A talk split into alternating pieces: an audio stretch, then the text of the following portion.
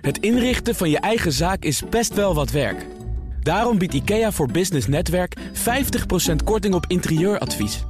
Word gratis lid en laat je werkplek voor je werken. IKEA, een wereld aan ideeën. Werkverkenners wordt mede mogelijk gemaakt door NCOI en Prescan. Prescan, ga voor je gezondheid. Blijf scherp. BNR Nieuwsradio. Werkverkenners. Rens de Jong. In deze BNR Werkverkenners kijken we vooruit naar wat dit jaar voor de arbeidsmarkt gaat doen. Ondernemers, werkgevers, zelfstandigen, werknemers en kroonleden van de SER vertellen hun vrees en hoop voor 2024. Verder hebben we een vacature voor een specialistisch forensisch begeleider. En bij AI in actie hoor je over een slimme vertaaltool om een internationalere afzetmarkt te bereiken. Hoor je allemaal zometeen. Maar nu eerst het BNR Werkverkenners nieuws. Werkverkenners. Met Nelleke van der Heijden. Dag Nelleke. Dag Rens. Een Gelukkig 2024. Ja, jij ook. Ja, de lonen, laten we daarmee beginnen. Goed nieuws, zijn tot recordhoogtes gestegen. Ja, het ligt natuurlijk aan aan wie het vraagt. Maar werkgeversvereniging AWVN die kwam zelf in elk geval wel met deze cijfers. Ik weet niet of zij het ook als een prachtig eh, nieuws zien. Maar de lonen die zijn in 2023 gemiddeld met 7,1% gestegen. Zo. En dat is de grootste stijging in zeker 40 jaar.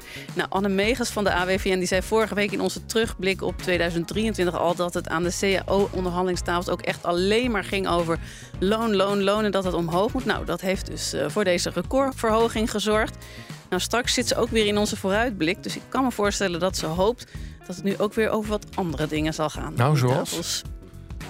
Nou ja, bijvoorbeeld de arbeidsproductiviteit, die moet omhoog. Het terugdringen van ziekteverzuim en tekorten, dat hoopt in elk geval de baas van de AWVN, Raymond Puts. Ja, en, die hebben de kosten van dat ziekteverzuim ook in kaart gebracht. Hè? Om eventjes, zeg maar, ook Den Haag weer even te wakker te horen schudden. Toch? Te kietelen, ja, precies. Want heel veel bedrijven hebben te kampen met echt een hoog ziekteverzuim. Nou, dat kost volgens de AWVN jaarlijks 24 miljard euro. Zo. En het zorgt natuurlijk ook vervolgens voor stress bij de collega's die nog wel aan het werk zijn. En die gaan dan misschien ook nog wel weer eh, omvallen. Dus inderdaad, ik denk een oproep aan eh, Den Haag dit. Ja, en, en, we, en we zitten nog in de kerst- en nieuwjaarsperiode. Mooie tijd om wa- wat, wat dieper misschien in een verhaal te duiken. Ja, dat dacht ook het economisch platform ESB. In oktober kreeg Claudia Goldin de Nobelprijs voor de economie vanwege haar onderzoek naar de positie van vrouwen op de arbeidsmarkt. Nou, ESB is erin gedoken van wat heeft zij nou precies voor inzichten met haar onderzoek eh, opgeleverd. Zij is trouwens wel de eerste vrouw die deze Nobelprijs Ja. helemaal alleen heeft gewonnen. En, en zij doet volgens mij onderzoek naar die loonkloof, toch of niet? Ja, ja haar onderzoek heeft eh, ons geholpen aan het inzicht dat eh, mannen vaak in andere beroepen werken dan vrouwen. En dat ze ook vaak hogere posities hebben. Nou, is misschien ook niet allemaal even eh, verrassend. Maar zij laat ook met haar onderzoek zien hoe hardnekkig het allemaal is. Ja. Ja, en, en weet zij nou ook eh, welke oplossingen dan ook echt werken? ook weer iets wat we wel vaker hebben gehoord. Om die beloningsverschillen tussen mannen en vrouwen met kinderen te verkleinen, moet er meer ruimte zijn voor flexibele werktijden. Goldin zegt dat dat bijvoorbeeld kan door het werk anders te organiseren. Bijvoorbeeld meer als team werken, waarbij de medewerkers dan meer autonomie hebben. En ook afwisselend werken, zodat ze niet al te lange dagen hoeven te maken. Ook allemaal misschien niet eh, wereldschokkend. Maar Mhm. in bedrijven die dat gedaan hebben, zijn de beloningsverschillen tussen mannen en vrouwen ook echt kleiner geworden. Oh, ja. En, zegt zij, deze strategie levert ook meer op dan gelijkere taakverdelingen in het huishouden. Hoewel ze wel toegeeft dat dat op zich ook wel zou helpen in het verkleinen van de beloningsverschillen. Dan nog eventjes naar de uitzendbranche, want die ziet de vraag naar uitzendkrachten afnemen. Ja, in november vorig jaar is het aantal uren dat uitzendkrachten aan het werk waren, is met 12% gedaald ten opzichte van dezelfde periode in het jaar daarvoor. Dat blijkt uit cijfers van de Algemene Bond Uitzendondernemingen, ook wel bekend als de ABU. Ja. Nou, die daling was eigenlijk het hele jaar al aan de gang. En je ziet nu ook dat grote uitzendorganisaties echt ja, dalende omzetten Mhm. hebben. Nou, ik ben wel benieuwd hoe dat nou bij Otto Workforce zit. Want zij hebben natuurlijk wel een hele specifieke doelgroep, die Ah, ja. van de arbeidsmigranten. Precies. Zouden we even kunnen bellen met Frank van Gol van Otto? Nou, dat hebben we sterker al gedaan. Volgens mij hebben we Frank nu aan de lijn. Frank, ben je daar? Ja, hallo, daar ben ik. De uitzendbranche is altijd een eh, goede voorspeller over hoe het gaat met de economie. Hoe zit het bij jullie? Ja. Want ik zie hier dus een daling van 12% in november. Ja, wij hebben daar eh, minder last van of geen last van. Sterker nog, we hebben nog een kleine groei te pakken. Eh, in de omzet groeien wij eh, in, in november met 15% en in de uren nog eens een keer met 4%. komt ook dat wij iets minder conjunctuurgevoelig zijn. En dat is al jaren zo. Maar goed, we krijgen ook elke maand wel weer nieuwe klanten erbij. En dat is natuurlijk goed voor ons. Ja, maar goed, je zegt minder conjunctuurgevoelig. Betekent niet dat je helemaal uh, immuun bent, denk ik. Nee, klopt. Hè. Wij, wij hadden een omzetgroei uh, begroot van, uh, van ongeveer 20% We hebben 14% hebben gerealiseerd uh, vorig jaar.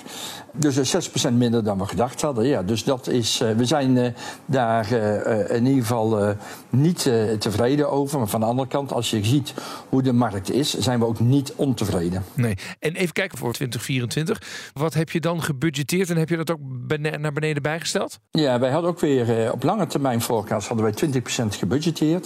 En dat hebben we nu teruggezet naar 14 procent. En we denken dat dat uh, haalbaar is. Wij hebben natuurlijk ook wel de mazzel dat het uh, arbeidsmigranten ligt aan een vergroot, onder vergrootglas. Uh, het wordt gereguleerd. Het mhm. betekent, als je het goed doet in die markt, dat je steeds nieuwe klanten erbij krijgt. Ah, want ik zou zeggen, namelijk met dit nieuwe kabinet. En als je kijkt naar waar we het over gehad hebben in de, uh, uh, zeg maar in de verkiezingen. Dat ging heel veel over arbeidsmigranten en de misstanden die daar zijn. En dat er geen woning voor ze is en et cetera, et cetera. En jij zegt uiteindelijk is dat goed voor ons. Want, leg maar eens dat eens uit. Nou ja, we hebben het goed voor elkaar. Dus onze verloningen kloppen. Onze medewerkers, uitzendkrachten zijn zeer tevreden. Die geven ons een 8 plus uh, als, als tevredenheidscijfer. En we hebben ook eh, goede huisvesting beschikbaar. En dat, dat is inderdaad de Achilleshiel op dit moment. Alles wat met arbeidsmigranten heeft te maken. En je moet heel goed voor je medewerkers zorgen. En je moet zorgen dat je goede huisvesting beschikbaar hebben. En daar zijn we al eh, jaren op aan het investeren. Ja, en dat legt ons op dit moment geen windeieren. Maar ben je niet bang dat op een gegeven moment toch iemand zegt van... ondanks dat je het goed regelt, we willen ze gewoon minder hebben, die arbeidsmigranten? Ja, dat zeggen sommige politieke partijen. Ik noem dat opportunisme wat er is. Want we kunnen gewoon niet met minder uh, arbeidsmigranten. Het enige wat we moeten doen, is dat we het met z'n allen eh, goed gaan organiseren. Dus we moeten gewoon goede arbeidsmigratie hebben. En zorgen dat deze mensen die hard werken en die naar Nederland komen om onze welvaart eh, te helpen. Te zorgen dat onze pakketjes eh, tijdig worden bezorgd. En onze spullen in de supermarkt liggen, dat die gewoon op een fatsoenlijke manier worden behandeld. Dat verdienen ze. Dankjewel, Frank van Gal was dat van Otto Workforce. Rens de Jong. En dan nu het themagedeelte van deze uitzending. En dat is een vooruitblik op de arbeidsmarkt van dit jaar. En ik vroeg de polder naar hun hoop en hun vrees voor dit jaar.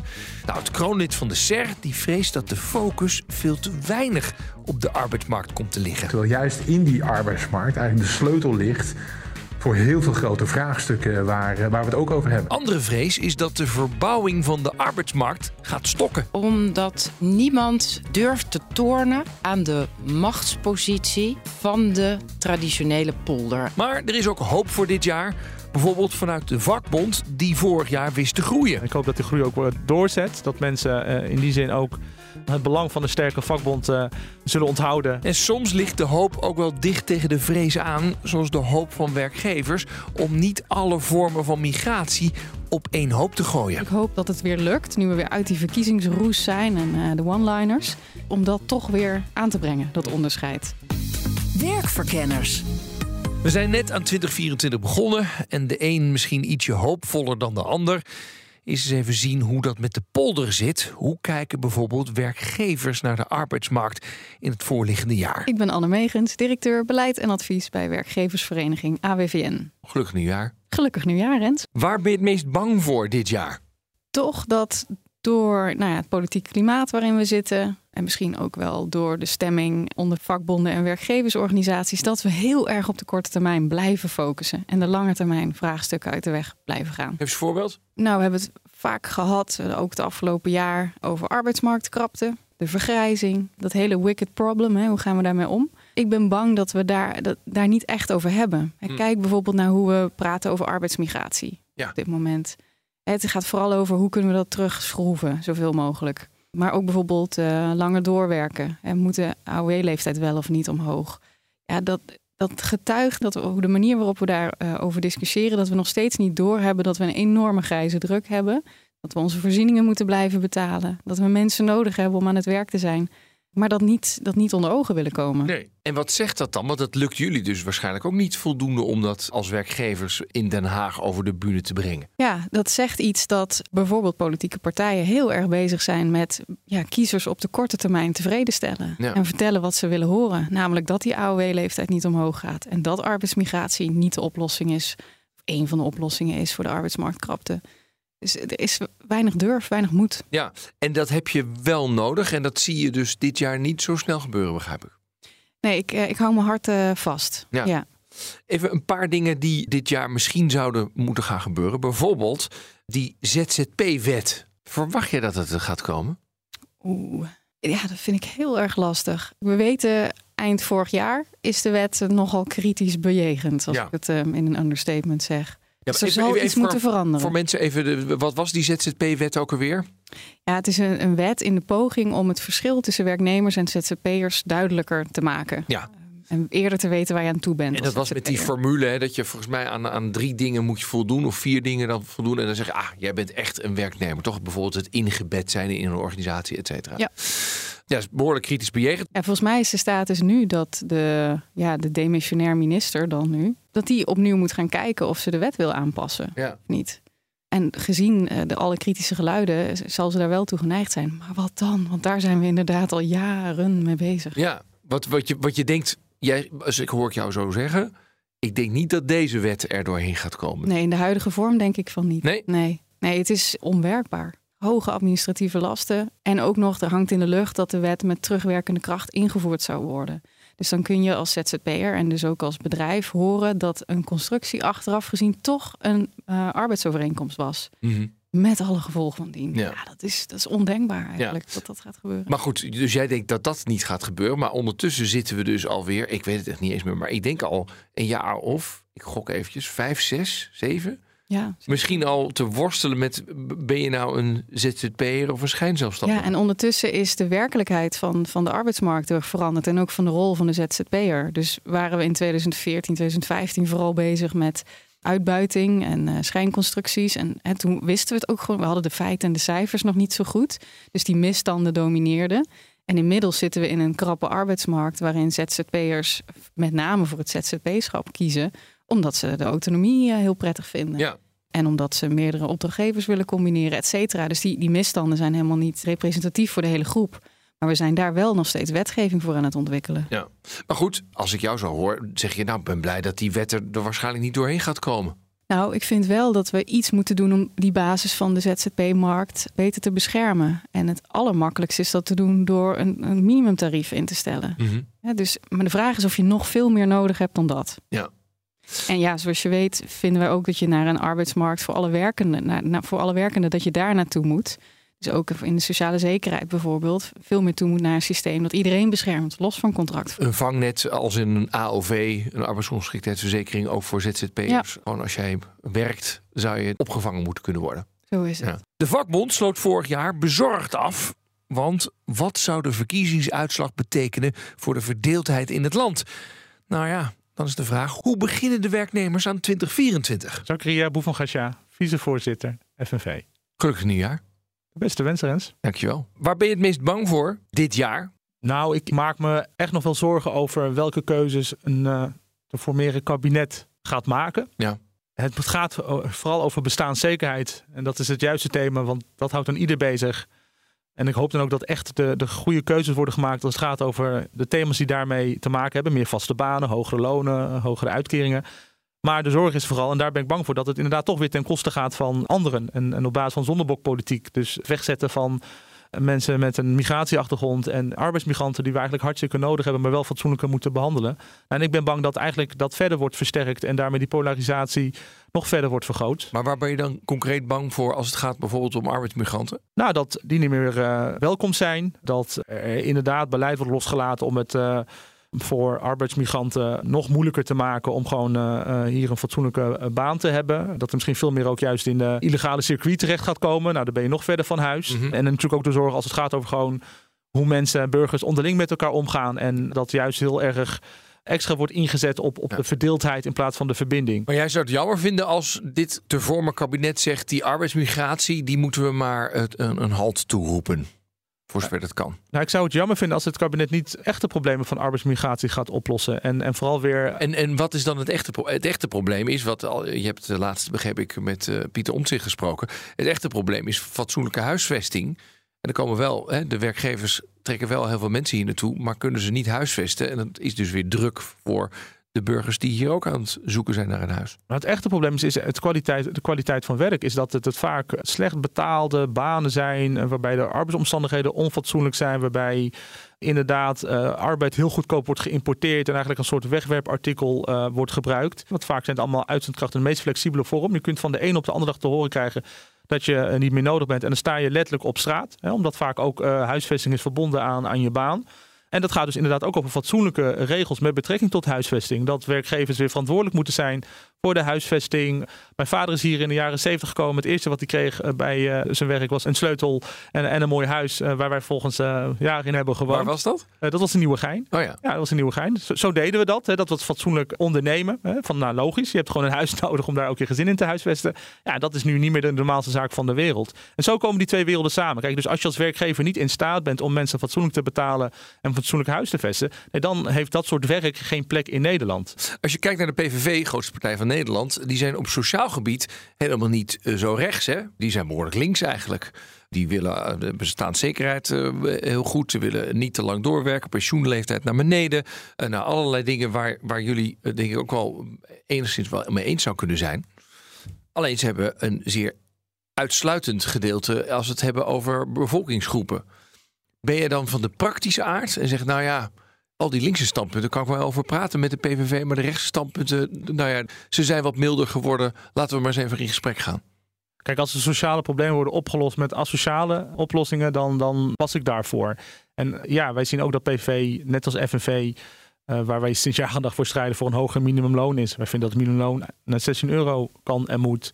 Maar we zien vervolgens dat het wel, al is het nog onduidelijk hoe dat gefinancierd wordt, maar vooral ten koste zou moeten gaan van minder geld voor ontwikkelingshulp of geen migratie of het sluiten van moskees of zo. En als dat de consequentie is, dan, dan passen we daar natuurlijk voor. En dan, dan staan we lijnrecht tegenover de PVV als het gaat over dat soort beleid. En in die zin zijn de oplossingen vooral dan ook uh, ontzettend knijter rechts. Want tegelijkertijd, het echte probleem wat FNV betreft, is juist dat de welvaart zo oneerlijk is verdeeld. Mm-hmm. En we kunnen het minimumloon verhogen, we kunnen de uitkeringen verhogen. Maar dat betekent wel dat we iets meer moeten vragen van de mensen die het ontzettend goed Volgens hebben. Volgens mij heb je daar de PVV best aan je zijde. Nee, want als we kijken naar hoe PVV afgelopen jaren heeft gestemd als het gaat over het verhogen van de lasten op de winsten en op de, op de, op de vermogens, dat ze dan ook altijd tegenstemmen. Hè? Dus in die zin, ja, het klinkt dan wel een beetje als gratis bier. Van blijkbaar het minimum moet omhoog, uitkering ook hartstikke goed. Dank je wel, PVV. Maar vervolgens, hoe gaan we dat betalen? Nee, niet door de lasten op, uh, op, op kapitaal te verhogen. Terwijl dat de kern is van, van het debat. Namelijk, hoe gaan we de lusten en de lasten veel beter uh, verdelen en herverdelen. 2023 bracht de zelfstandigen niet substantieel meer zeggenschap. Wat is hun vrees voor dit jaar? Mijn naam is Roos Wouters. Ik ben directeur van de werkvereniging Het Belangenplatform voor mensen die uh, niet 40 jaar bij dezelfde werkgever in dienst zijn of willen zijn. Gelukkig nieuwjaar. Dank je wel, jij ook. Wat is jouw vrees voor 2024? Mijn vrees voor 2024 is dat er dit jaar weer niks verandert. Tussen droom en daad staan wetten in de weg en praktische bezwaren. Ik ben bang dat die wetten en die praktische bezwaren gewoon blijven bestaan. Op het gebied van de arbeidsmarkt, denk ik Op dan. het gebied van de arbeidsmarkt, ja, uiteraard. Ja, ja. ja, want we zijn halverwege de arbeidsmarkt aan het verbouwen, heb ik een ja. beetje het gevoel. Maar daar blijven we dus in vastzitten? Ja, we blijven erin vastzitten. Ik zag las ergens dat jij zei: Ik maak me ook wel zorgen over het feit dat we niets leren van de verkiezingsuitslag. Kun je daar iets over zeggen? Ja, er wordt heel erg benadrukt dat de PVV zo groot is geworden. Dat het vooral om uh, migratie. En dan wordt er ook benadrukt over werkmigranten ja. en uh, kennismigranten. En dan denk ik, jongens, volgens mij is het veel simpeler. De burger is angstig, voelt zich niet gehoord. En wat gaan mensen doen die zich niet gehoord voelen? Die gaan schreeuwen. En voor schreeuwen, daar is weinig ruimte voor nuance. Dus ik denk dat het veel breder is. Mensen maken zich zorgen over hun werk, over hun inkomen, over hun huis. En ze hebben het gevoel dat politiek en polder vooral bezig zijn met de klimaattransitie, met allerlei mooie dingen die ook moeten gebeuren, maar die de zorgen bij mensen op dit moment alles behalve wegneemt. En ja, ondertussen zie je de verzorgingsstaat is terugbezuinigd. Hoeveel mensen er nu mantelzorg moeten verrichten.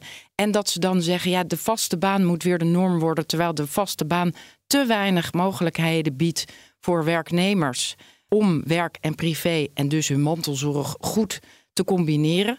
Uh, dan denk ik, ja, zo lang zullen mensen gewoon op een gegeven moment bij de verkiezingsuitslag ook hun middelvinger opsteken naar de gevestigde orde.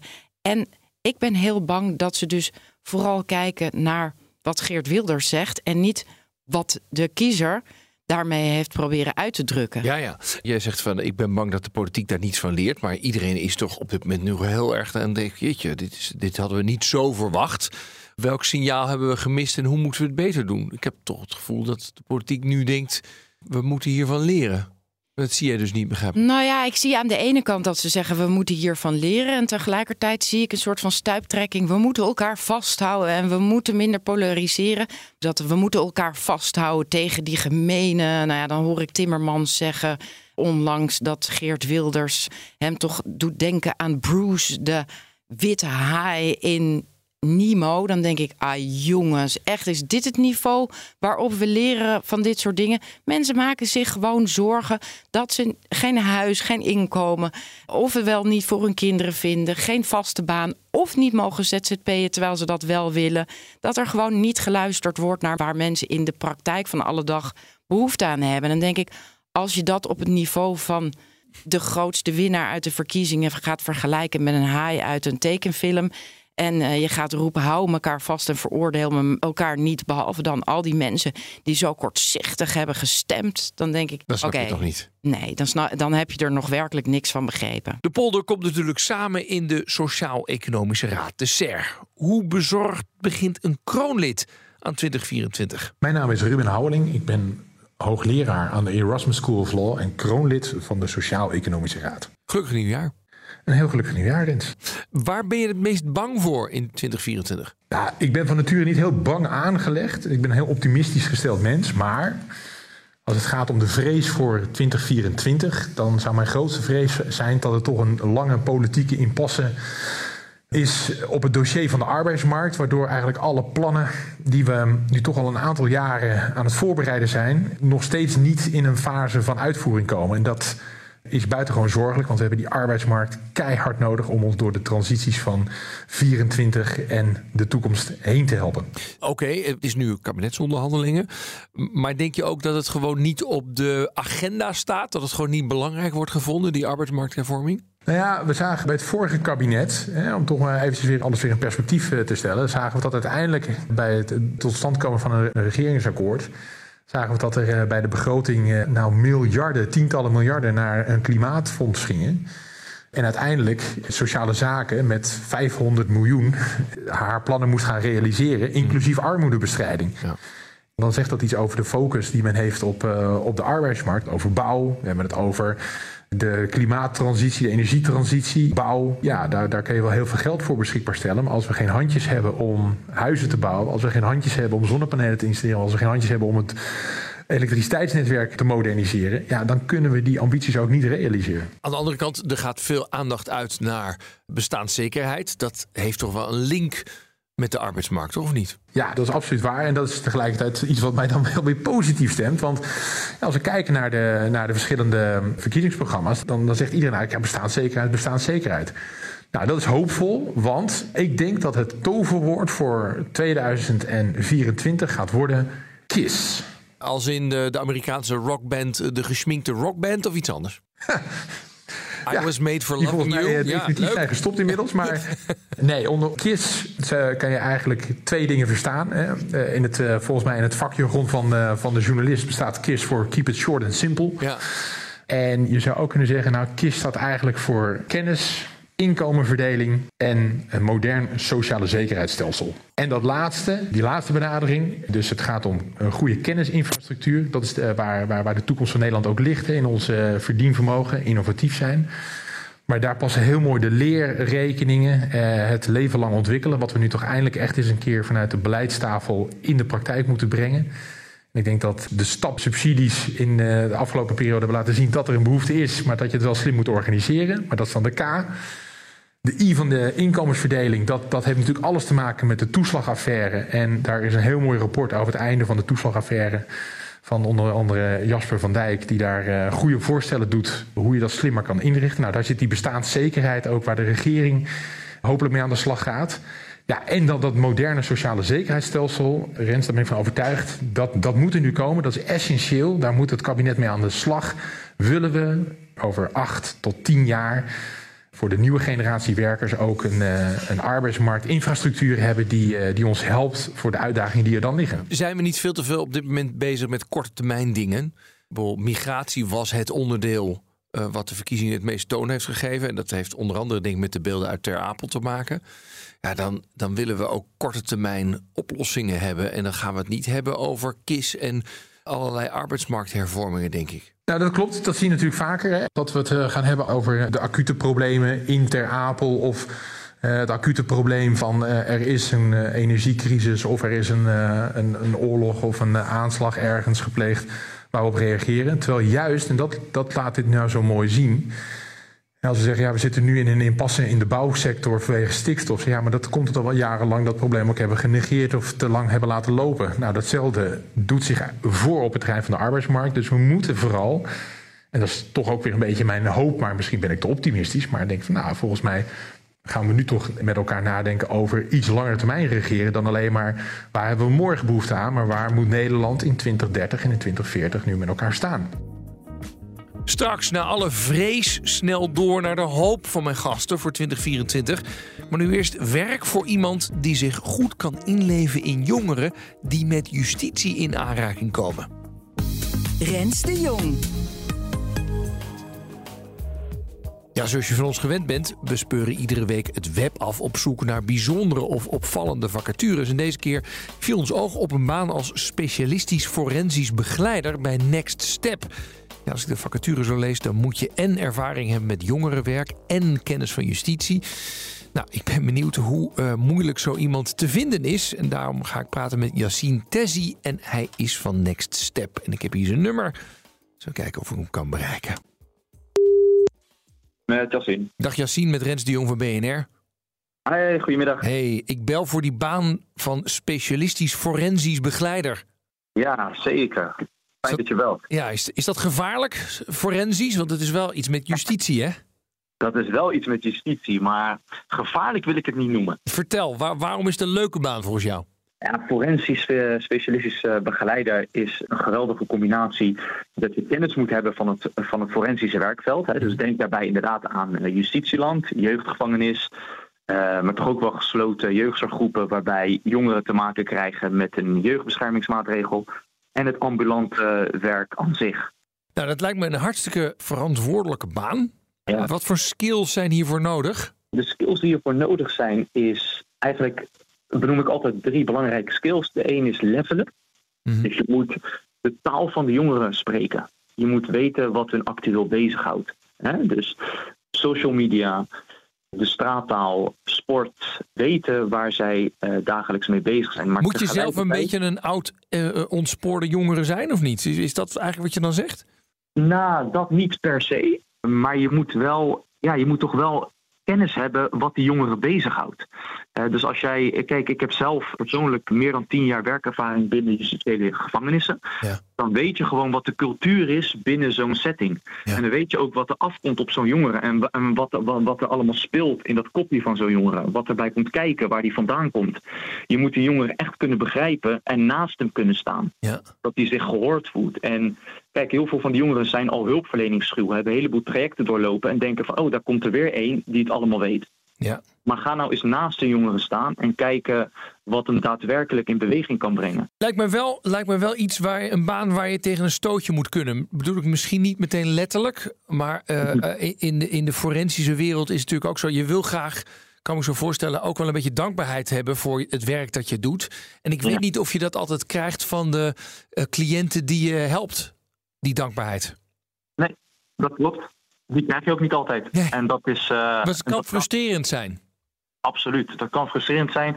Dat kan lastig zijn. Maar ik denk dat het vooral belangrijk is dat je het grotere plaatje kan blijven zien. Mm. Een jongere beseft soms niet wat je voor hem betekent op het moment zelf dat je bezig bent met die ambulante begeleiding. En ik kom daar na jaren pas achter van, hé, hey, wat jij toen eigenlijk voor mij hebt gedaan, dat jij er continu voor mij stond en dat jij met mij meeging naar een sollicitatiegesprek en dat jij mij hebt geholpen met het schrijven van een motivatiebrief, dat heeft mij op dat moment geholpen om die baan te krijgen. Het is gewoon een klein random voorbeeldje. Je moet je ervan bewust zijn inderdaad dat het soms ondankbaar kan zijn. Maar als je het grotere plaatje blijft zien en weten waar zo'n jongere vandaan komt, dan is het heel dankbaar. Hey, jullie breiden binnenkort uit, begrijp ik, naar meerdere regio's in Nederland. Dus er komen nog heel veel meer vacatures bij? Ja, zeker. We zijn altijd op zoek naar zorgprofessionals die affiniteit hebben met de doelgroep. Ja. En daarnaast om de kwaliteit te borgen werken we ook samen met gedragstherapeuten, dus gedragswetenschappers, forensisch orthopedagogen en DFT-therapeut. Ja, weet je, we doen uh, maandelijks casuïstiekbespreking. Dus we hebben ook echt zorg voor onze medewerkers om ja, die jongeren zo goed mogelijk te kunnen begeleiden. Goed man. Yassine, dankjewel. Uh, Next Step, zo heet de organisatie. En jullie uh, zoeken dus veel mensen. Dankjewel hè. Graag gedaan Rens. Bye bye. Goedjes. Rens de Jong. Nou, het klinkt als een mooie club. En eigenlijk zijn ze dus altijd wel op zoek naar goede mensen. Terug naar de polder en wat de verwachtingen zijn voor het voorliggende jaar 2024. Wat hopen de hoofdrolspelers op de arbeidsmarkt op het gebied van werk? Na de vrees dat er veel te veel op korte termijn gehandeld wordt, ligt de hoop van kroonlid van de SER Ruben Houweling bij de polder om juist voor de langere termijn in actie te komen. Zeker als het gaat om uh, de lange termijn, dan moet je misschien ook wel constateren dat nou, het lot in ieder geval van de afgelopen regeerperiodes ook steeds is geweest dat men regeert bij de dag. En dat misschien die lange termijn vooral vanuit de samenleving, pak ik toch maar eventjes breed moet komen. Die zegt ja, eh, maar het gaat uiteindelijk wel om mij en om mijn uh, kinderen en om mijn buren die uh, in een prettig Nederland willen leven. En daar is de polder een belangrijke afspiegeling van. En ik denk dat binnen SER-verband op dit moment zeker, weet ik dat, dat daar heel sterk wordt nagedacht over een lange termijnvisie. Mm -hmm. Waar... Even, is dat dan een soort wassenaar-achtig akkoord weer? Dat je zegt, jongens, wanneer hadden we dat? 1982 denk ik of zo. Uh, dat we zeggen, oké, wij moeten met elkaar echt samen de, deze, deze verandering gaan, gaan vormgeven? Ja, en kijk, bij Wassenaar was het uiteindelijk echt een akkoord tussen werkgevers en werknemers waarin onder andere uh, ook de lonen wat werden gematigd en de loonontwikkeling werd gematigd en daartegenover de werkgelegenheid werd, werd, werd bevorderd. Je zou nu hoor wel eens geluiden van een soort omgekeerd Wassenaar, hè, waarin het vooral toch gaat om Kijken hoe kunnen we elkaar in die krapte ook vasthouden. En uh, moet er niet juist meer worden geïnvesteerd in het uh, werknemerskapitaal. Maar als het gaat om, is de polder bezig met zich te committeren voor een langere termijn visie en daar ook naartoe te werken, dan is het antwoord zonder meer ja. Zie je dat ook daadwerkelijk? Want ik heb het afgelopen jaar vooral heel veel stakingen gezien. Hoge looneisen, eindboden. Ja. Weet je wel, de, de, strijd was hevig het afgelopen jaar. Dat klopt. En het, het is ook gewoon de afgelopen periode een werknemersklimaat geweest, om het zo maar te zeggen. En we kwamen natuurlijk ook ergens vandaan, want er was krapte op de arbeidsmarkt, eh, is er nog steeds, die zal ook blijven. Uh, maar er was een, een, een energiecrisis en een, uh, een torenhoge inflatie. Dus dat daar dan spanning ontstaat in het nu, dat is begrijpelijk. En dat moet ook altijd zo gevoerd worden. Dat, uh-huh. dat, die dynamiek, die, die, die moet je ook zo laten gaan. Maar dat neemt niet weg dat je met elkaar ook moet nadenken van wacht eens even, maar waar, waar staat Nederland eigenlijk over, over tien jaar of over twintig jaar? Want de krapte op de arbeidsmarkt, heel veel mensen, ook links en rechts omheen, die doen net alsof dit nou, dat is, nou, we zeggen dan, nou, de economie vlakt alweer een klein beetje af, dus het, uh, nou, het komt allemaal wel weer goed. Nee, dat is heel naïef. Hè. We mochten eind vorig jaar nog uh, met elkaar lezen dat, uh, dat binnenkort een, een, kwart van de Nederlandse bevolking 65 jaar of ouder is. De demografie laat gewoon zien dat we met steeds minder handjes nog meer werk moeten gaan verzetten. Ja. Dus je moet daar met elkaar uitkomen. En wat daarbij nodig is, is dat je dan een scherper beeld hebt, een gedeeld beeld met elkaar. Van zien wij inderdaad in 2035 of in 2040. En dat weten we natuurlijk niet, want het is een glazen bol. Maar waarschijnlijk zal onze uh, werksamenleving er ongeveer zo uitzien. En welke paden moeten we daar naartoe bewandelen met elkaar? Ja. Nou, en ik denk dat we daar aan die vooravond uh, staan en al heel goed bezig zijn. Ben je hoopvol of bevreesd over uh, dit jaar 2024? Ik ben hoopvol. Ik ben ja. hoopvol omdat ik denk iedereen klaar is met nog langer wachten en draaien. En er genoeg rapporten klaar liggen en die allemaal dezelfde kant op wijzen. En dat we nu gewoon gaan zeggen, maar dat zeg ik ook een klein beetje als een echte Rotterdammer. Uh, we gaan nu eens wat doen. Bij Anne Megens van werkgeversvereniging AWVN vroeg ik specifiek naar hoop met betrekking tot migratie. Vooral dat we um, niet alle vormen van migratie op één hoop gooien. Nou, dat doen we wel. Ja, dat doen we wel. Want asielmigratie is werkelijk iets anders dan werkmigratie. Zeker. En ja. binnen arbeidsmigratie is het ook nogal een verschil of je het hebt over iemand die uh, in een distributiecentrum werkt. Of je iemand hebt die aan een universiteit promoveert en uit het buitenland komt. Of je het hebt over een EU-burger of een niet-EU-burger. Nou, mhm. kortom, er zijn zoveel aspecten aan. En dat gaat nu een beetje verloren. Ja, maar, maar goed, als je kijkt naar de partijen die nu aan het onderhandelen zijn voor een nieuw kabinet. Ik heb de, de, de plannen van NSC nog eens even gekeken. Die, hè, die zeggen 50.000 en daar zou het moeten stoppen. Of gemiddeld gezien. Ze gaan niet eentje die er overheen komt bij de grens tegenhouden. Maar ze zeggen dat dat zou het streefcijfer moeten zijn. En hun punt is vooral, ja, we kunnen die mensen eigenlijk, of het nou arbeidsmigranten zijn, maar vaak hebben we geen huizen voor ze. En laten we die nou bewaren voor de mensen die hier in Nederland al aan het werk zijn. Ja. Op zich klinkt het niet heel onlogisch dat je denkt, ja, ga dan dat huizenprobleem eens even oplossen. Ja, nou, ik denk ook dat het goed is dat we het nu hebben over de druk van arbeidsmigranten op onze sociale voorzieningen. Mhm. dat is een tijd lang hebben we het er helemaal niet over gehad. Nu wel, dat is positief. Alleen door dan met van die ruwe aantallen te gooien, help je de discussie weer niet verder. Want wat veel uh, arbeidsmigranten doen hier in Nederland, is die zitten op cruciale plekken binnen bedrijven en organisaties. Als je die mensen wegneemt, vallen die bedrijven en organisaties om. En daar gaan wij ook last van hebben. Ja. Dan worden onze huizen en kantoren niet schoongemaakt. Dan draaien onze technische bedrijven hier niet meer. Of krijgen ze een enorme incentive om in het buitenland zich te gaan vestigen. Dan wordt de bouw stilgelegd. Onze elektriciteitsnetwerk draait voor een deel ook op arbeidsmigranten die daar de schop in de grond zetten. Critici zeggen ja, kijk, die bedrijven halen die mensen hier naartoe omdat zij dan gewoon hun omzet kunnen draaien. Maar de negatieve externaliteiten, namelijk gewoon druk op de woningmarkt, dat wordt op de maatschappij afgewenteld. Dus daar zit het scheef als je bijvoorbeeld het partijprogramma van NSC leest. Ja, nou dan vind ik dus dat je er niet voldoende bij stilstaat. Dat het feit dat deze mensen hier werken, dat dat ons ook heel veel oplevert. Mhm. Namelijk ook werkgelegenheid voor Nederlanders, goede voorzieningen goede producten, diensten. Dus dat is ten eerste. En ten tweede, ja, ik vind ook dat werkgevers hun rol moeten pakken als het bijvoorbeeld gaat om huisvesting. Veel werkgevers doen dat ook. We zien bijvoorbeeld ook dat de wil van werkgevers om bij te dragen aan een goede woningmarkt, wonen als arbeidsvoorwaarde, dat dat ook steeds populairder maar wat, wordt. Wat, wat zie je dan gebeuren? Want het enige wat ik dan zie is arbeidsmigranten met z'n allen bij elkaar in een woning, zeg maar. Is dat dan wat je voor je hebt als werkgevers voor huizen zorgen? Nou ja, het goed huisvesten van arbeidsmigranten. Dat vergt trouwens ook medewerking van de gemeente. Hè. Daar gaat het ook heel vaak mis. De gemeente wil het niet. Maar denk ook aan nou ja, wat een bedrijf als ASML doet. Hè. Ze hebben natuurlijk die woningmarkt in Veldhoven op zijn kop gezet. Ja. En wat ze dus nu doen, is bijdragen aan woningmarktprojecten voor niet-ASML'ers. Oh ja. Juist voor mensen met een wat lager of een middeninkomen niet-ASML'ers mogen daar uh, een, een, woning betrekken. Maar zou, zou je dan zeggen, wat is wel ooit wel eens geopperd, hè? Philips heeft 100 jaar geleden gewoon hele Philipswijken neergezet uh, in, in Eindhoven. Zouden bedrijven dat veel meer moeten doen? Echt in de lead gaan over van jongens, oké, laten we met de, wij, wij hebben verstand van dingen bouwen, we kunnen ook wat een en ander financieren.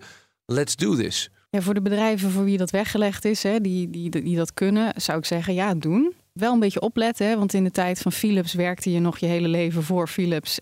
Dus ik zou wel opletten met die afhankelijkheid, dat het niet aan je werkgever vastzit.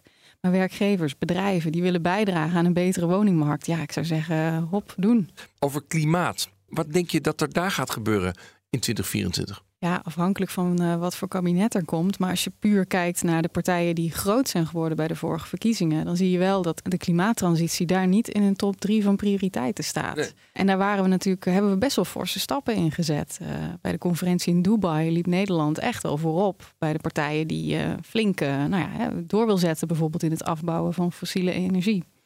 En ik ben wel een beetje bevreesd op dit soort grote transities, klimaattransitie, misschien ook wel de digitale transitie, dat Nederland tot stilstand komt. We hebben het elke keer, nou wat gaat de politiek doen? Alsof we alleen maar moeten wachten op de politiek. Jullie als werkgevers en de werknemers, de bonden, laten we zeggen de polder, ja. kunnen natuurlijk ook gewoon heel veel doen. Hè? Ja, zeker. Wat verwacht je daar dan van? Nou, als het om duurzaamheid gaat, verwacht ik dat bedrijven doorgaan hiermee. Dus we blijven uh, zoeken naar mogelijkheden om te verduurzamen, om een verdienmodel aan te passen, uh, om eh, te vergroenen, dus ook op HR-vlak. Ja, dus ik, inderdaad, we moeten ook weer niet te veel onze oren laten hangen naar, uh, naar de politiek. Maar, kan dat? Hoe kan je, want, want jullie zitten nu vooral te, te, vechten met de bonden over vooral de hoogte van het loon. Ja. de afgelopen tijd. Dus denk je dat 2024 dit jaar toch weer wat ruimte biedt om wat breder te kijken met elkaar? Nou ja, als, het is misschien wel mooi hè. Als, als de politiek het af laat weten, is er misschien nog meer gevoel van urgentie bij sociale partners. Dus ook vakbonden, samen met vakbonden, om op dit soort onderwerpen stappen te zetten. Ja. Maar is dat hopen of is dat echt daadwerkelijk voorspellen? Dit? Nou, ik denk dat, daar dat daar wel wat zit hoor. Uh, bijvoorbeeld als het gaat om uh, inclusie, gelijke kansen op de werkvloer. Ja, dat is een onderwerp wat, wat voor werkgevers en vakbonden ontzettend belangrijk is. En ook al is in, in de politiek misschien um, wordt, je al snel, wordt het al snel gepolariseerd, zo'n onderwerp. Ik denk dat wij daar wel echt stappen op kunnen zetten. Ja. Dat gaan we ook gewoon doen. 2024, we zijn net gestart. Ben jij hoopvol of bevreesd? Ja joh, aan het begin van het jaar hoopvol. dus bijna, je bent het bijna aan je stand verplicht. Hoopvol tegen beter weten in misschien. En de vakbond zag zichzelf in absolute aantallen en in betekenis groeien in 2023. De hoop ligt wat Zakaria Bouvagasha van de FNV betreft vooral in het verlengde daarvan. Mijn hoop is dat in ieder geval de ingeslagen weg van 2023 zich voorzet als het gaat over het belang van een vakbond. We zijn gegroeid. Uh, ik hoop dat mensen ook in 2024 de vakbond weten te vinden. Ja. En tegelijkertijd dat dus eigenlijk onze grootste zorg en de aanleiding waarom uh, ja, de vakbond uh, er weer lijkt te zijn. Namelijk het tegengaan van de verarming en, en de achterblijvende lonen. Dat dat in 2024 in ieder geval voor een groot deel is opgelost. En we ons kunnen richten op goede afspraken op het gebied van uh, verlagen van de werkdruk, uh, tegengaan van die arbeidsmarktkrapte. En dat we dat ook in harmonie kunnen gaan doen met, met werkgevers. Uh, zodat wij in ieder geval als polder wel richting kunnen geven als, als er sprake is van een politiek verdeeld speelveld. Ja. Hoe groot schat je de kans in dat we de lasten en de lusten eerlijker gaan verdelen met de richting waar we nu politiek gezien heen gaan? Nou, behoorlijk klein. Hmm. En dat is wel dus een zorg als het gaat over dus wat voor beleid gaat het kabinet nu uitvoeren. Nou, we weten waar de VVD voor staat. Die is nooit zo happig als het gaat over uh, de herverdeling zoals wij dat zien. Namelijk het verhogen van de lasten op kapitaal en het verlagen van de lasten op arbeid. Nou, dit is natuurlijk wel een hele interessante richting een PVV. Ik vind dat ze ook daar kleur op moeten gaan bekennen. Van uh, de oplossing voor bestaanszekerheid. Zit het in het herverdelen of zit dat in uh, zonnebokpolitiek? Wat gewoon een doodlopend weg is. Daar ben ik heilig van overtuigd. Ja, en uh, ja, omzicht. Volgens mij is dat is je indruk? Ja, ik, ik denk dat hij, ik denk dat hij dat snapt. Hij begrijpt dat. Natuurlijk, het is natuurlijk ook CDA 2.0, dus het hinkt ook wel een beetje op uh, het ontzorgen van ondernemers en uh, ook niet verder verhogen van de lasten van MKB. Uh, nou, BBB die, die is natuurlijk ook wel een beetje van die school. Dat natuurlijk ook in de, in de agrarische en de, ja, het land- en tuinbouwsector wat, wat, wat, gaande is als het gaat over de eerlijke verdeling van de lust en de lasten. Want daar is juist de kwaliteit van arbeid niet altijd om over een huis te schrijven, moet ik bekennen. Dus ja, uh, hoop uh, lijkt dan gevestigd te zijn op zo'n uh, NEC. Maar tegelijkertijd, ja, daar zijn we dus een vakbond voor. En we zijn gelukkig ook geen politieke partij. Aan die CAO-tafel kunnen wij het verschil maken. Mm. En ja, als een kabinet een afslag neemt wat ons niet bevalt, ja, dan moeten we de straat op. En dan zullen we daar dan ook wel tegen strijden. Dus wij zullen welk kabinet dan ook scherp houden en op toezien dat uiteindelijk ook sociale keuzes worden gemaakt. Nou wordt in Nederland niet alleen het beleid gemaakt door de politiek, maar juist ook door de polder. Jij, jullie en de werkgevers. Ja. Afgelopen jaar was behoorlijke strijd. Hebben u geleverd aan de CAO-tafels, stakingen, et cetera. Denk je dat je dit jaar iets meer programmatisch bij elkaar kunt komen en zeggen: oké, wat moeten wij nou als vertegenwoordigers toch ook wel van het midden in Nederland voor elkaar gaan krijgen? Zeker. Ik denk ook echt dat de polder in die zin aan, aan, aan zet is en, en richting kan gaan geven aan het land. Want die polarisatie, wat dus toch de voedingsbodem is geweest voor ook de uitslag die we hebben gehad, ligt voor een groot deel ook natuurlijk gewoon op de werkvloer. En op die plekken daar waar mensen ongelukkig zijn, ontevreden zijn en boos zijn. En ik denk juist ook, ook een appel richting werkgevers dat er veel scherp en kritisch met elkaar moeten kijken hoe we veel meer die verbinding maken. Hoe we veel meer ook die onvrede van, ja, ook de, de, de, de oneerlijke verdeling van die welvaart tegengaan. En ja, we hebben heel veel actie gevoerd afgelopen jaar, meer dan ooit. Maar tegelijkertijd hebben we ook meer dan ooit uh, CAO-afspraken gemaakt. Die ervoor hebben gezorgd dat heel veel mensen die bestaanszekerheid hebben gekregen. Hogere lonen, meer vaste banen. Dus we, we boeken daar zeker ook wel resultaat in. volgens mij zou het hartstikke krachtig zijn als we daarop doorpakken. En, en, samen dus met die werkgevers veel meer richting geven als het gaat over ja, hoe, hoe moet de samenleving eruit zien. Maar dat betekent wel, en dat is een lastiger verhaal voor de werkgevers, dat zij vooral ook uh, water bij de wijn moeten doen. Want dat zit er met name in die eerlijke verdeling van de lust en de lasten. Het mm. extra uh, belasten van de winsten. Toch bedrijven die iets meer bereid zijn om te investeren in hun mensen dan ze misschien de afgelopen decennia uh, bereid waren. Mm. Ben je niet bang dat die winsten nu toch economisch wel wat slechter gaat? en we zien ook wel wat deflatie, dus prijzen gaan naar beneden. Dus de omzetten zullen ook wel weer gaan dalen. Kosten blijven stijgen, want we hebben net al die loonsverhogingen gehad. Dat je ook niet zo heel veel meer kunt eisen. Dat die werkgevers wel een beetje uitgevrongen zijn het afgelopen jaar jullie. Ja, maar het gaat niet alleen maar over, over het verdelen van de winsten. Want als nou ja, die daar niet... heb je het over. Ja, die, die werkgevers moeten wat minder uh, genoegen nemen met winsten. Mijn vraag is, jongen, is er nog voldoende winst dit jaar? Nee, maar macro-economisch zie je gewoon dat, dat uh, er nog steeds relatief gezien meer van wat we verdienen naar kapitaal gaat, om het even klassiek te zeggen, dan dat er naar arbeid gaat. Nou, volgens mij begint het al met. Er is dus nog wel wat. Er is, er is zeker ABPN nog heeft gezegd: ruimte. het is nu klaar met, met die loonsverhoging allemaal. Jij zegt er is nog wel ruimte. Er is zeker wat ruimte. En het punt wat ik wilde maken is van: het, het gaat niet enkel alleen om van hoe uh, ga je om met het verdelen van de winsten, maar het gaat gewoon structureel over de kwaliteit van arbeid. Hoe zorgen we dat mensen niet omkomen van de werkdruk. Dat mensen productief zijn op een positieve manier van het woord. Dus niet nog harder moeten werken, meer moeten werken. Maar juist effectief werken en dat uh, op een autonome manier gaan doen.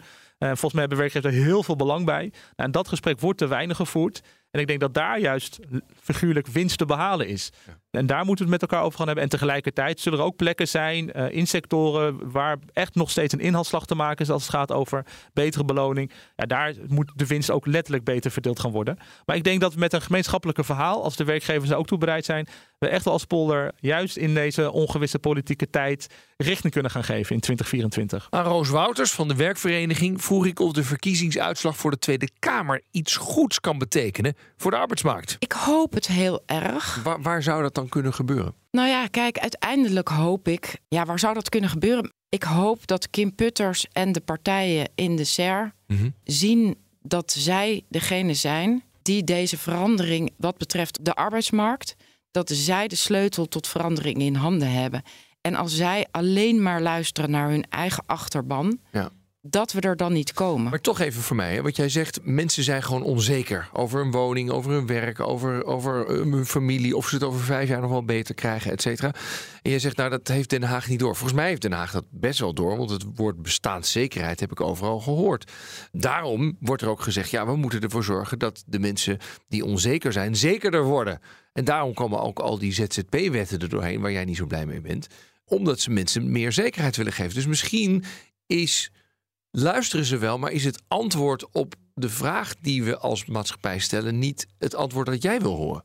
Nou, het maakt mij niet uit welk antwoord ik wil horen, want ik zit hier niet voor mezelf. Nee, maar weet je, je begrijpt ja, ik, ik begrijp heel goed wat je bedoelt. Alleen ik luister ook naar heel veel verschillen. Sommige mensen willen het allerliefst een vaste baan, omdat dat ze bepaalde zekerheid geeft. Maar op het moment dat een vaste baan zo chic is, met zoveel een mooie voorwaarde dat een werkgever niemand meer in vaste dienst wil, dan gaat het nog steeds niet gebeuren. Hm. Dus je kan wel mensen zekerheden denken te beloven, maar als de werkgevers niet kunnen, niet willen, niet durven, niet in staat zijn om die zekerheden te bieden op de voorwaarden waaronder je dat organiseert, dan bereik je nog niks. En dit zie ik al 25 jaar lang zich herhalen. We denken dat we mensen meer zekerheden bieden. Dat is ook zo voor de mensen die de minste zekerheid nodig hebben. Want wie nemen we in vaste dienst aan? Nou, de man met de zeven vinkjes. Mhm. Want daar hebben we de minste kans van dat die keuze ons duur zal komen te staan. En de mensen die de meeste zekerheid hebben, die komen langzamerhand steeds verder aan de randen eh, van onze arbeidsmarkt te staan. Daar, daar, willen ze dus iets aan doen met bijvoorbeeld die wetten tegen schijnzelfstandigheid. En dan zeg je ja, maar die, die, die wetten, daar klopt ook niks van. Nou, ik denk die wetten tegen schijnzelfstandigheid, dan duw je ze dus bijvoorbeeld dat ze in een uitzendconstruct moeten. Nou ja, biedt dat meer zekerheid? Dat biedt de zekerheid dat je echt een rottig pensioentje opbouwt. Dat die opdrachtgever aan allerlei potten geld moet geven waar jij waarschijnlijk nooit meer wat van terugziet. Het is allemaal voor de bühne. Terwijl ik denk op het moment dat je zekerheid zou koppelen aan het werk hebben zelf en aan het individu. En die ga je in collectieve potten verdelen.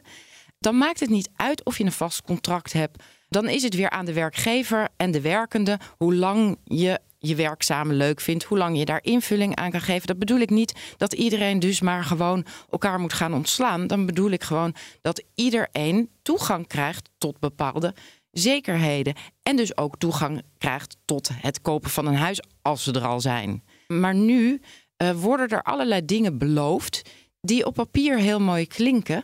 En die waarschijnlijk als je in je ivoren toren zit ook denkt dat deze mensen daar in aanmerking voor komen. En dat is precies waarin ik denk dat er te slecht geluisterd wordt. Ja, voor de happy few is dat ook zo. Maar voor een steeds grotere groep, die komen alleen maar verder weg van zekerheid. En daar maak ik me echt hele grote zorgen over. Ben jij hoopvol of bevreesd over dit jaar? Ik ben wederom echt enorm bevreesd. Ik word eigenlijk elk jaar alleen maar bevreesder, omdat ik nu zo lang meeloop dat ik heb gemerkt dat iedereen naar elkaar kijkt en naar elkaar wijst en echt niet inziet dat ze elkaars hand vast moeten pakken en het samen moeten doen. En vooral, ja, daarin roep ik echt Kim Putters op. Kim, heb het lef om te zien, je bent de enige die de sleutel in handen heeft. Goed, een spannend jaar dus wordt het voor de arbeidsmarkt. De politieke situatie op dit moment in Nederland bezorgt werkgevers en werknemers de meeste zorgen. En vanuit de zelfstandigen klinkt juist de hoop dat de onvrede die toch wel in de verkiezingsuitslag zit, ons beter leert luisteren. En opmerkelijk, de hoop van de polder is vooral gevestigd op de polder.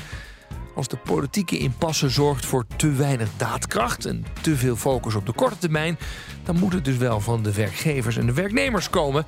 En die zijn ervan overtuigd dat zij ook echt heel veel voor elkaar kunnen krijgen. Hoe zei Anne Megens het ook alweer? Ik denk dat wij daar wel echt stappen op kunnen zetten. Ja. Dat gaan we ook gewoon doen. AI in actie. Laatste onderdeel van deze uitzending, AI in actie. Want ja, ze zeggen dat je er productiever van wordt, kunstmatige intelligentie. Maar ja, onze vraag is elke keer hoe dan? In deze rubriek geven we je handige tips en tools die je meteen kunt inzetten om jouw werkdag een stuk productiever te maken. En vandaag krijgen we de tip van Alex van Ginneke. Hij is ondernemer en businesscoach. Dag Alex. Hey, goedemiddag. Um, welke AI-tool of lifehack heb jij voor ons? De tool Clonable. Oh, clonable.nl. Vertel. Ja, dat is eh, een, een grote kans of grote, grote opportunity die ik zie voor, uh, voor ondernemers is internationaal gaan schalen. En dat kan natuurlijk heel goed eh, dankzij AI. omdat AI natuurlijk eh, een taalmodel eh, heeft, is het heel makkelijk om vertalingen te doen met AI. En de tool Clonable die maakt eigenlijk in feite een kopie van je website, een, een clone binnen enkele minuten. En vertaalt dan alles in een andere taal. waardoor je op die manier heel snel in een andere taal actief kunt zijn. Oh, ja. En wat, wat je hebt nu tegenwoordig, want dit werkt volgens mij op WordPress of is het op alles dat het werkt? Nou, het werkt op vrijwel alle platformen. Dus uh, WordPress, uh, inderdaad, ook uh, Magento. maar er zijn ook andere ja, platformen waar dit ook heel goed mee kan. Ja. het ondersteunt in die zin. Het maakt ook niet zoveel uit wat voor systeem eronder zit. veel systemen kunnen hier, hiermee omgaan. Ja, nou heb je, weet ik, in WordPress heb je wel meer van dit soort systemen. Hè? Of dat je, dat, dat je zegt, nou wil je een, een volgende taal maken. Waar is dit nou echt handig voor wat jou betreft? Waar maakt het ons echt productiever? Ja, nou ja, je hebt inderdaad wel bestaande plugins en bestaande oplossingen, maar deze tool gaat wel verder. Dus je kunt ook uh, lokaal nog wat uh, aanpassingen maken. Stel je een bepaalde taal ja, en toch iets op, een bepaalde andere manier wilt verwoorden. Nou, dan kun je dan de editor gebruiken. Uh, veel voorkomend jargon dat je op een bepaalde manier wil vertalen. daar geeft je ondersteuning in. Ja, en uh, je hebt geen technische aanpassingen in je site nodig, hoeft geen plugins of niks te onderhouden. Dus uh, in die zin geeft het je ook veel meer vrijheid. Oh, wat relaxed. Zeg, heb je het zelf gebruikt of niet? Ja, zeker, zeker. Ik heb mijn website uh, in de basistaal Nederlands. En ik heb hem ook vertaald naar, naar Engels en Spaans. Oh, ja. leuk. Kost het eigenlijk veel geld of niet, deze clonable? Nou, eigenlijk dus ja, niet, niet in verhouding met hoe het vroeger ging. Als je vroeger je website wilde vertalen, dan stuurde je teksten uit de website naar een vertaalbureau. Daar werd het vertaald. Dus dan moest je twee, drie, vier weken wachten. Moest terug in je website geplaatst worden. Dus voor het weten was je drie, vier, vijfduizend euro eh, verder. En een hoop tijd kwijt. Ja, en dan kwam er een nieuwsbericht. En ja, die moesten weer opnieuw ook vertaald worden. Dus heel vaak dat websites niet meer in sync waren. Ja, en als je die kosten afweegt met, met een tool als Clonable, waarvoor enkele tientjes per maand uh, per taal uh, betaalt, ja, en altijd uh, up-to-date is in elke taal, ja, dan valt die kosten natuurlijk enorm mee. Ja, nou helder. Uh, da dankjewel. Eh, en een eh, mooie Ja, tip voor iedere ondernemer die zijn eigen website eens even in wat meerdere talen wil neerzetten. Ja, dankjewel. Dankjewel Alex. Hoi hoi. Hoi. Nou, de kop is eraf. Dit was de eerste werkverkenners van 2024. Volgende week dan krijg je weer een verse op dinsdag om drie uur. En natuurlijk in je favoriete podcast-app kun je hem op ieder moment terugluisteren. Productie en redactie, Nelleke van der Heijden, Emma Somsen. Mijn naam is Rens de Jong. Graag tot de volgende keer. Dag. Werkverkenners wordt mede mogelijk gemaakt door Prescan en NCOI. NCOI, de opleider van Werkend Nederland.